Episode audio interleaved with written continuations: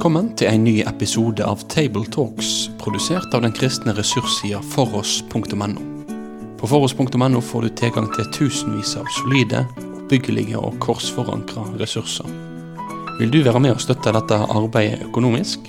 Da kan du gjerne gi de gaver til Foross på VIPS nummer 70979. Vi håper at du setter pris på dagens episode av Table Talks.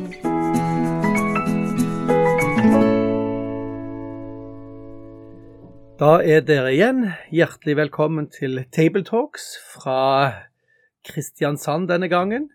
Og i studio er det med meg Bjørn Hinderaker. Og jeg har med meg William Hjemdal. Og Mikael Brun.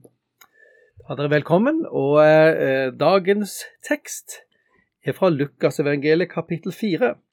Um, og det er en veldig spennende tekst hvor eh, vi møter Jesu programtale som, som setter i gang og profilerer hele hans tjeneste.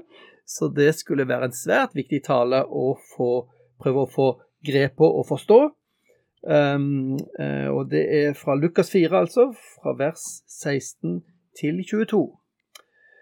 Og som vanlig så ber vi Mikael om å lese teksten for oss, før vi uh, være oss uh, kom med litt sånn personlig eh, refleksjon over hva vi merket oss akkurat denne lesingen. Ja, eh, kapittel og vers har du allerede sagt, eh, Bjørn, så vi bare går rett på lesningen i Jesu navn. Og han kom til Nasaret, hvor han var oppfostret. På sabbatsdagen gikk han inn i synagogen slik han pleide å gjøre, og sto opp for å lese for dem. De ga ham da profeten Jesajas bok, og da han hadde åpnet boken, fant han stedet der det står skrevet. Herrens ånd er over meg, for han har salvet meg til å forkynne evangeliet for fattige. Han har sendt meg for å forkynne for fanger at de skal få frihet, og for blinde at de skal få syn, for å sette undertrykte fri, for å forkynne et nådens år fra Herren. Han lukket boken, ga den til tjeneren og satte seg. Alle som var i synagogen, hadde øynene sine festet på ham. Han begynte så med å si til dem, I dag er dette Skriftens ord blitt oppfylt for ørene deres. Alle ga ham vitnesbyrd og undret seg over de nådens ord som lød fra hans munn. Slik lyder det hellige evangelium. Ja, takk, Mikael. Skal vi ta en sånn en kort, sånn umiddelbar runde for vi møter jo eh, vi møter jo bibelteksten som mennesker med hele oss, og det setter fantasien i gang, følelsen i gang. Eh, hva om du, eh, Kurt, begynner å, å si hva, hva, merker du deg fra denne teksten akkurat når vi leser den nå? Nei, det som stanser meg, det er jo dette alle i synagogen stirret spent på ham, og han begynte med å si i dag er det skriftordet blitt oppfylt mens jeg hørte på. Jeg syns jeg ser undringen i øynene, og merker meg at de jo i første omgang roser ham og er veldig positive, og i neste omgang blir fryktelig negative, men, men det må ha vært et merkelig øyeblikk når mesteren selv har sagt nå er dette oppfylt, uh, og det må ha satt mange tanker i gang hos tilhørende, tenker jeg. Mm. Og Mikael, da? Ja, det, det, blir jo litt i samme gate som Kurt. Jeg husker um, da jeg begynte på barneskolen for mange mange år siden da jeg var liten.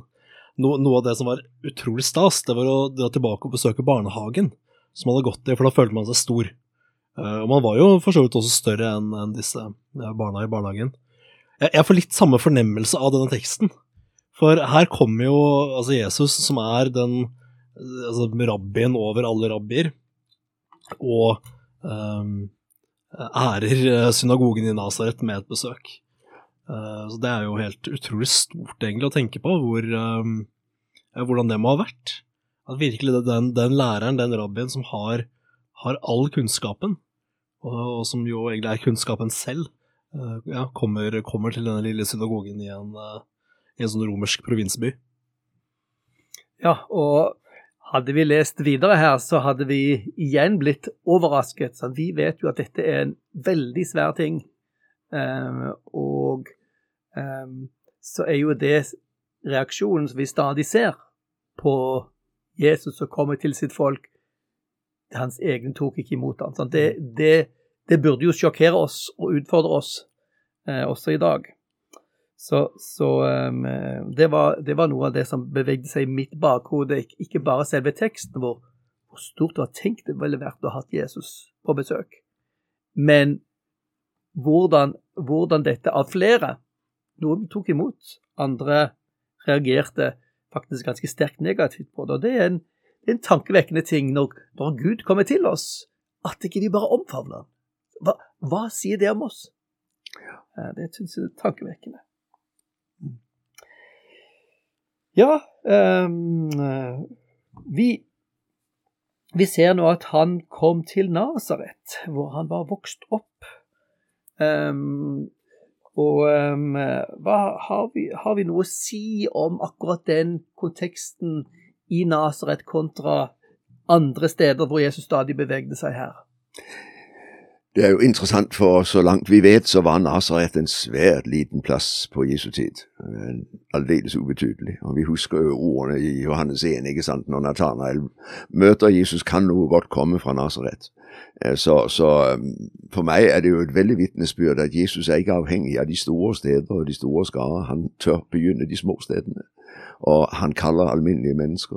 Og det syns jeg stadig vekk kommer tilbake til med dette. Det var ikke det som var stort i verden. Det som ingenting var, utvalgte Gud seg. Og i den sammenheng så er jo Nasaret et glimrende eksempel. Mm. Eh, og det er jo interessant at um, så, sånne små geografiske opplysninger de, de, går jo av og til oss bare hus forbi. Men det er fullt av de i Det nye testamentet og i evangeliene som sier noe om at disse, disse skriftene er faktisk forankret i, helt i vår fysiske sant, virkelighet. Det var et virkelig sted, og det var virkelige mennesker. Jo, og det er jo et virkelig menneske som står der. Jesus er reell. Eh, enten folk vil tro på ham eller ei, så er han der jo. Dette er jo historisk. Um, og så tenker jeg alle de små stedene rundt om i dette land som har fostret menn av betydning, som fikk stor betydning også i Guds rike. Uh, det er lett å forakte de små stedene. Ikke gjør det. Mm. Nei, vi, vi, kan jo gjerne tenke det at det er større sannsynlighet for at det kommer noe godt fra små steder enn fra store byer. Men det er, det er veldig fint eh, det, det, som blir sagt nå, fordi dette forankrer jo virkelig troen vår i det fysiske. Mm det at uh, dette her er ikke på en måte bare noe som har skjedd i en eller annen form for mytologisk urtid, eller, eller noe sånt som når man leser de tidligste av våre norrøne sagaer, for eksempel. Med, med sånn urverden som ikke er formet helt ferdig ennå. Men dette her er faktisk eh, altså ekte steder, ekte byer, eh, hvor, hvor, Jesus har hatt sitt virke og, og har gått rundt. Det er ganske mm. stort. Og ufattelig at Gud bøyer seg så dypt ned. Mm. Så for meg er det jo også en viktig side ved evangeliet at Gud er ikke avhengig av det som er stort i verdens øyne. Eh, og jeg tenker på det gudsfolk som i dag samles rundt ord og sakrament i vårt land. Mange er foraktet, vi er uh, satt til side og ikke viktige. Men midt i denne svakheten så bygger Gud sitt rike. Og det tror jeg er veldig viktig å understreke, at vi ikke lar oss blinde av det som imponerer. Gud er ikke avhengig av det. Fin påminnelse for meg som er prest i en liten menighet. Ja. Ja, og eh, jeg tenker det er, også svært oppbyggelig sammenlignet med de såkalte andre evangeliene, som Thomas' evangeliet, eller disse andre evangeliene som av og til promoteres som liksom nyoppdagede evangelier. For disse gnostiske evangeliene, de alternative evangeliene, har nesten ingen geografiske referanser. De beveger seg ofte i en sånn en åndelig sfære og i filosofiske termer. Her ser vi Jesus som en som er plassert veldig tydelig både geografisk og kulturelt rett inn i første århundres Israel. Og jeg tenker på en bok som var veldig fremme for noen år siden, denne Khalil Gibran, 'Profeten', som folk var så veldig betatt av, men som jo nettopp er svevende og uten konkret innhold. Og så møter jeg en levende Jesus med et levende evangelium som setter folk i virkelig frihet. Mm. Ikke bare gir noen flotte tanker og litt sånn som skaper litt stemning, men, men som kommer med frihet for de undertrykte og mm. håp for de fattige. Ja.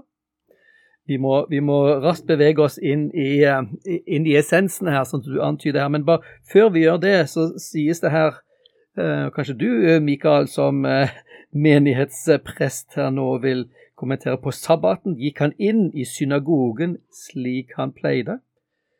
Um, og da han reiste seg for å lese, rakte han profeten Jesajas bok, han åpnet bokrullen, osv. Så, videre. så fortsetter det. Her Ja. er det en uh, gudstjeneste. Ja, her er det rett og, rett, rett og slett en jødisk um, sabbatsgudstjeneste. Uh, for, for Jesus som en, uh, som en jøde, en del av jødenes folk, så var jo det helt uh, selvsagt og naturlig at han deltok på en, på en slik gudstjeneste. Og her uh, snakkes noe om vaner. Det kan jo være noe vi kan lære av, uh, kanskje også. Gode vaner. Ja, ikke sant? Ja da, det, det å gå på gudstjeneste er en, er en eh, veldig sunn og god vane, og, og vi, vi lever jo i en tid hvor, hvor det er mange internettkirker. Og mange, mange tenker at jo, jo, men jeg har jo presten min på YouTube, eller, eh, eller sånne ting, men vi må nok holde fast til viktigheten av at kirken er fysisk, eh, og troens liv leves eh, i det hellige samfunn. Mm. Jeg tenker på en ting til som jeg syns er veldig spennende i Lukasevangeliet. Og det er jo at Lukas så tydelig vitner om at Gud på en måte anerkjenner det han selv har innstiftet. Han møter presten i eh, tempelet, eh, Zakaria, ikke sant, i kapittel 1. Eh, under gudstjenesten så kommer Gabriel.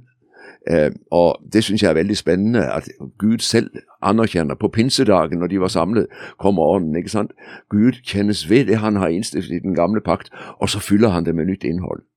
Han har innstiftet sabbaten og sabbatsgudstjenesten, og Jesus er selvfølgelig på plass i det som han selv, som Gud, har vært med til å sette i gang. ikke sant? Eh, Det syns jeg også sier noe viktig. Eh, Det er lett å tenke ja, det var Det gamle testamentet, men, men her kommer altså oppfyllelsen nettopp inn i de rammene hvor Gud selv har satt disse rammer. Dette tror jeg er utrolig viktig, så jeg bare, bare si litt mer om det.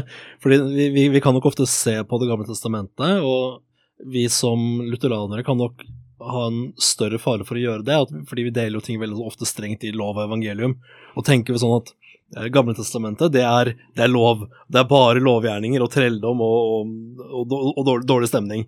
Men vi tenker jo det at Det gamle testamentet er jo fylt av, av tegn, rett og slett, som, som peker frem mot Det nye testamentet. Eh, og det meste av de ja, sakramentene vi har, uh, gudstjenesten vår osv., har sine, sine forbilder i um, Det gamle testamentet. Ja, og her, eh, her er det jo to ting som er svært viktig i Guds hele, hele plan. Det ene er at han, han vil skape seg et folk. Derfor er det viktig å møte opp. Sant? Det er Guds plan å bringe mennesker sammen. Selv om ikke det alltid Vi gjør ikke det alltid fordi det er så veldig festlig. Ikke alltid fordi vi trenger det. Vi trenger det faktisk, men fordi vi, er, vi hører til dette folket. Derfor er det viktig å komme på gudstjenestene. Og det andre tenker jeg at um, ved å komme hver fast hver søndag, så innvier vi egentlig hele uken til han, på samme måte som de gjorde med sabbaten. Sabbaten er et tegn for hver uke at hele uken tilhører Gud. Sånn at det er, det er disse, disse vanene signaliserer noe om livene våre og gir oss rammer. Jo, og jeg tenker jo også at det, eh, vi er opptatt av å være vitner. Men jeg bodde på Kjelsås i Oslo, midt i et naboskap, og alle så at vi hver søndag formiddag gikk på gudstjeneste. Nei, det gjorde ikke at det ble vekkelse i området, men jeg tenker det etterlot allikevel et inntrykk av at her var noe som var så viktig for dem at det satset de på, når alle de andre satt hjemme. Og der tenker jeg på alle dem som hver søndag begir seg på gudstjenestevei, og som på den måten sier noe om dette er viktig for meg, dette betyr noe. Og der tenker jeg der er jordens salt, det er verdens lys. Ja, men her er en av de måter saltet virker på og lyset skinner på. At det er et folk som samles hver søndag formiddag, og, det preker til byen, selv om byen forakter det, og selv om byen kanskje vender ryggen til det. Er et viktig vitnesbyrd. Absolutt viktig, viktig, viktig eh, vitnesbyrd. Nå vil sikkert Bjørn dra oss videre litt snart, det er fort gjort å surre seg borti der, men det er jo viktig det vi snakker om likevel. Jeg jeg vil bare ha en uh, liten bemerkning om dette med tekstlesningen. Uh, fordi jeg er jo vant med det at som prest, så jo, det, det å sette folk til å være tekstleser, det er sånn lavterskelting. Uh, noe av det første man på en måte kan spørre folk om. Uh, og skal de være, være klokkere eller sånne ting, så er det litt mer høy, høyere terskel. Men dette her viser jo hvor viktig tekstlesningen er i gudstjenesten, og at Jesus med sin, sin tekstlesning også har hellighet den gjerningen. Da. Ja, og, og det er jo noe av det vi har overtatt oss i, i den, den, den norske kirkes praksis. Vi leser tekster fra Gamle testament ikke sant? Og Nytestamentet. Uh, I, uh, i si, den jødiske konteksten så leser de jo mye større avsnitt. Og jeg tenker jo at, at nå når, nå når vår kristendomskunnskap er på vei ut, så tror jeg kanskje rett og slett bibellesning kunne vært en veldig viktig ting å løfte fram, bruke litt mer tid på. Vi kan godt dramatisere, vi kan godt gjøre noe som, som, som hjelper oss å, å, å, fange teksten uh, og holde oss oppmerksomme. Uh, men, men uh, lesing av Guds ord, det er viktig at vi tar på alvor. Så nå, nå åpner Jesus denne bokrullen på et helt spesielt sted og leser opp noe som sjokkerer, overrasker tilhørerne. Han leser Herrens ånd er over meg, for han har salvet meg til å forkynne et godt budskap for fattige. Han har sendt meg ut for å rope et fanger skal få frihet, blinde få syn igjen, sett undertrykte fri, rope ut, ut et nådens år fra Herren. Um, hva var dette? Hva var det han leste for noe, egentlig? Ja, Det er jo utrolig dramatisk med tanke på at han så sier i dag er dette oppfylt. Eh, det er jo en profeti fra tredjedel av Jesaja-boken, eh, kapittel 61. Og det er jo en utrolig proklamasjon inn i et folk hvor man virkelig hadde opplevd at man var fanger, at man var undertrykt, og at man var fattige. Og så har altså Herren sendt sin tjener til å forkynne at nå kommer den nye tid, nå er frihetens tid inne. Og det er jo en vidunderlig profeti som peker nettopp frem til han som står i Nasarets synagoge, som bringer friheten og nåden og evangeliet, ikke sant. Eh, så hadde de bare skjønt den dag hvem han var, så de hadde tatt imot det. For det er jo en utrolig proklamasjon. I møtet med Jesus venter friheten på deg. Mm. Hva tenker du om uh, noen av disse tingene som Jesus sier her, eh, Mikael? Nei, eh, når jeg, når jeg, leser den teksten uh, sånn helt uh, over, overfladisk, så tenker jeg ok, da må jeg bli sosialdemokrat, fordi det var, det var Jesus. Og, og, nå må jeg på det bruke hele livet mitt på å jeg ikke, støtte Amnesty International eller, eller sånne ting. Det er på de første tankene som kommer opp. Og det, det, har nok litt med min bakgrunn i Den norske kirke, og den, den type sosial rettferdighetsforkynnelse som man ofte møter der. Um, hvor, hvor, i teksten er det du er ser ansporingene, ansporingene her? Det, det, er denne Jesaja-profetien, sant, om ja. at, uh, om at um, undertrykte skal settes fri. Ja. Uh, et godt budskap for fattige, osv. Mm. Um, der hvor jeg kommer fra, i min kristne bakgrunn, så er dette en, dette en tekst som tolkes uh, veldig sånn sosial rettferdighetsmessig. Mm. Um, og det har sine egentlig åpenbare svakheter. Sant? Fordi når man ser også på Eliesu virke, så ser man at ok, men han gjorde jo ikke de fattige rike.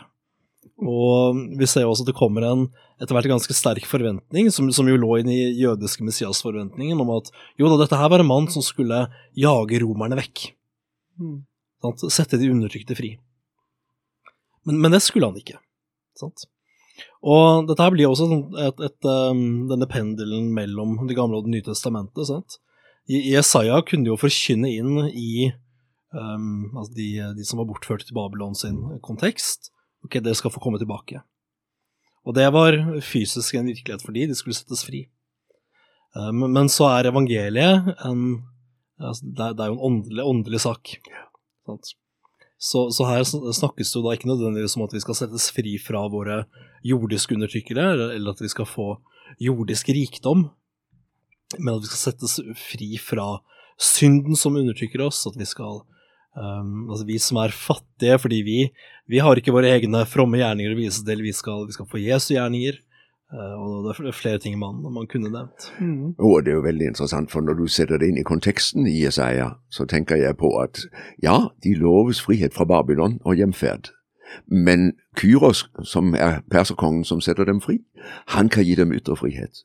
Og derfor merker du i disse kapitler samtidig ropet etter en dypere frihet.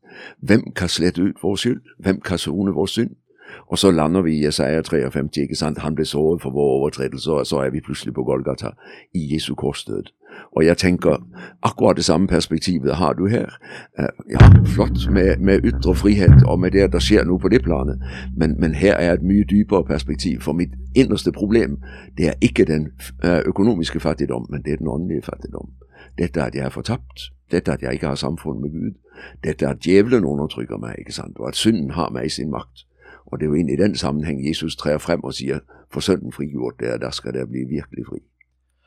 Så nevnte Bjørn i disse gnostiske evangeliene, og jeg merker jo selv når jeg sier at evangeliet er en åndelig sak, så um, føler jeg nesten at det er en fare, fare at jeg er nesten diagnostiker.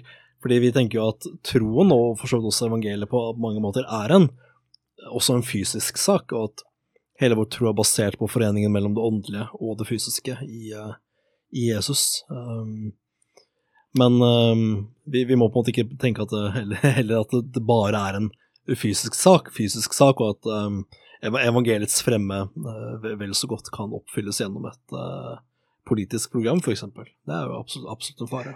Nei, jeg opplever jo det er jo svakheten hos en Putin, hos en Xi Jinping og hos en Biden. Hvem av dem kan hjelpe meg med min skyld? Hvem av dem kan ta bort min synd? Der må jeg et annet sted hen. Da må jeg til ham som Herrens ånd var over, ikke sant, og som virkelig gjør fattige rike, fordi han skjenker meg Guds rike og Guds fellesskap. Eh, jeg tenker jo at det kan være nyttig for oss mentalt også å knytte dette til bergpreken. Sånn, Salig er de fattige. Så har Johan, nei, Matteus med i ånden, ikke sant. Eh, og hvor det går på undertrykte, de nedtråkkede, de forfulgte. Gud Jeg tror det er viktig at vi at vi, at vi, påpeker Gud bryr seg ikke bare om vår sjel, som du sier. Gud bryr, om, bryr seg om dette. Gud bryr seg om uretten. Gud, Gud, sørger over fattigdommen. Folk som er blinde og syke og halte og lamme, sant, som, som, denne teksten er om. Gud bryr seg om det, og eh, skal en gang gjøre noe helt alvorlig med dette. Um, og så ser vi jo at, at, det som skjer i Jesu virksomhet, hele tiden peker fram sant, mot de som settes fri fra onde åndsmakter er jo den, den, den veldig tydelige uh, casen i Jesu virke. Uh, og det gjelder sykdommer og forskjellige ting. Um, og, og, men at dette først og fremst peker framover mot den store, store frigjøringen. Jo, og det har du veldig tydelig i den siste setningen i sitatet fra Jesaja 61. ikke sant? Rope ut et nådens år fra Herren, tredje Mosebok 25. Nådens år, altså det femtiende år. Hvert tjuende år var sabbatsår. Sju ganger sju, så var du fremme ved, ved det store frihetsåret, ikke sant? Hvor alt settes tilbake i rettsskikk hvor den jord som er mistet, tilbakeføres til etten, hvor de som har måttet selge seg selv som slaver i sin fattigdom, blir satt fri. Og jeg tenker nådensåret er uten tvil en profeti om det du leser i Johannes åpenbaring 21, en ny himmel og en ny jord. Det store nådens år, når friheten er fullkommen, og når alt er på plass. Jeg tenker også på det hebraiske begrepet shalom, altså der hvor alt er som det skal være. Freden er ikke bare det at jeg føler en fred, men, men allting er på plass. Mm. Og frem dit peker det. ikke sant? Det er det han bringer i sin død og i sin oppstandelse. Uh, og jeg, jeg, tror det er veldig viktig å tenke sånn om Jesu frelse, at dette er ikke en at vi ikke skal vår sjel bare skal berges ut av denne verden, men Gud har en plan om en fullstendig gjenopprettelse.